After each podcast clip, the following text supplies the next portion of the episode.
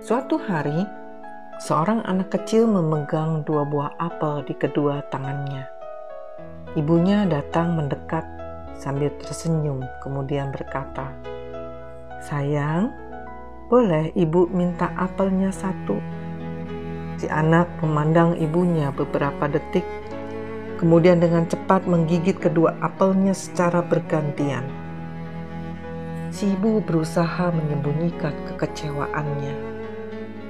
Namun senyumnya sudah terlanjur luntur dari wajahnya.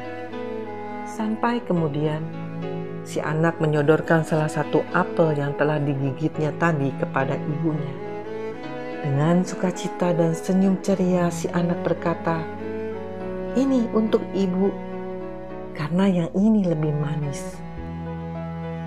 Ternyata sang anak ingin memberikan yang terbaik untuk ibunya. Karena itu si anak perlu untuk memastikannya.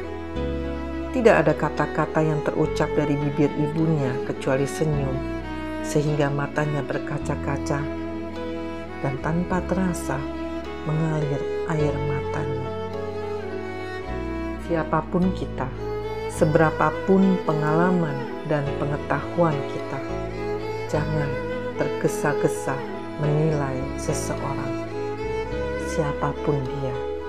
Bersabarlah, jangan kamu menghakimi supaya kamu tidak dihakimi.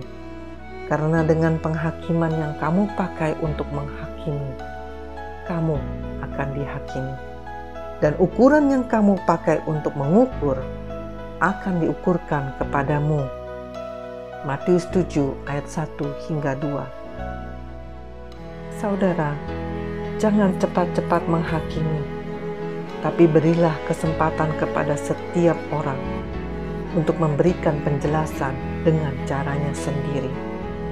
Tetaplah menjadi seorang yang sabar dan bijaksana dalam menilai diri orang lain. Jangan sampai kita salah menilai orang.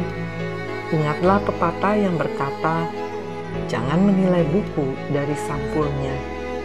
yang artinya jangan menilai bobot atau nilai dari suatu hal dari penampilan luarnya saja. Ada yang mengatakan sesungguhnya medan peperangan terbesar berada di pikiran kita. Karena pikiran itu sangat kuat mempengaruhi kehidupan seseorang.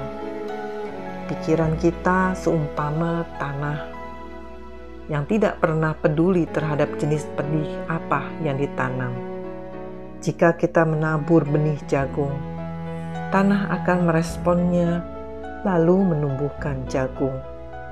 Apa pun yang kita tanamkan dalam pikiran, entah itu hal-hal yang baik atau buruk, pikiran kita akan segera menerima, merespon, dan menumbuhkannya.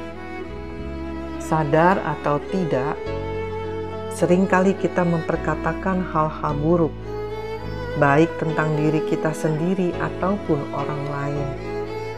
Hal-hal negatif yang kita ucapkan itu akan direspon oleh pikiran kita dalam bentuk sikap yang pada gilirannya akan menghasilkan tindakan yang sama seperti yang kita tanamkan dalam pikiran kita. Jika tindakan tersebut dilakukan terus-menerus, maka itu akan membentuk karakter. Segala sesuatu mulainya dari kecil. Jika tidak kita waspadai, maka perlahan tetapi pasti akan menjadi besar dan permanen.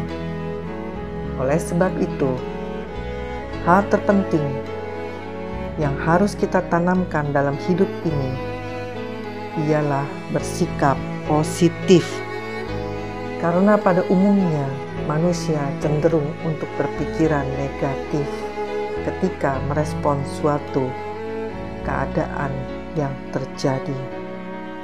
Karena itu, kita harus mengendalikan pikiran kita seperti apa yang diajarkan Rasul Paulus dalam 2 Korintus 10 ayat 5b kami menawan segala pikiran dan menaklukkannya kepada Kristus. Amin.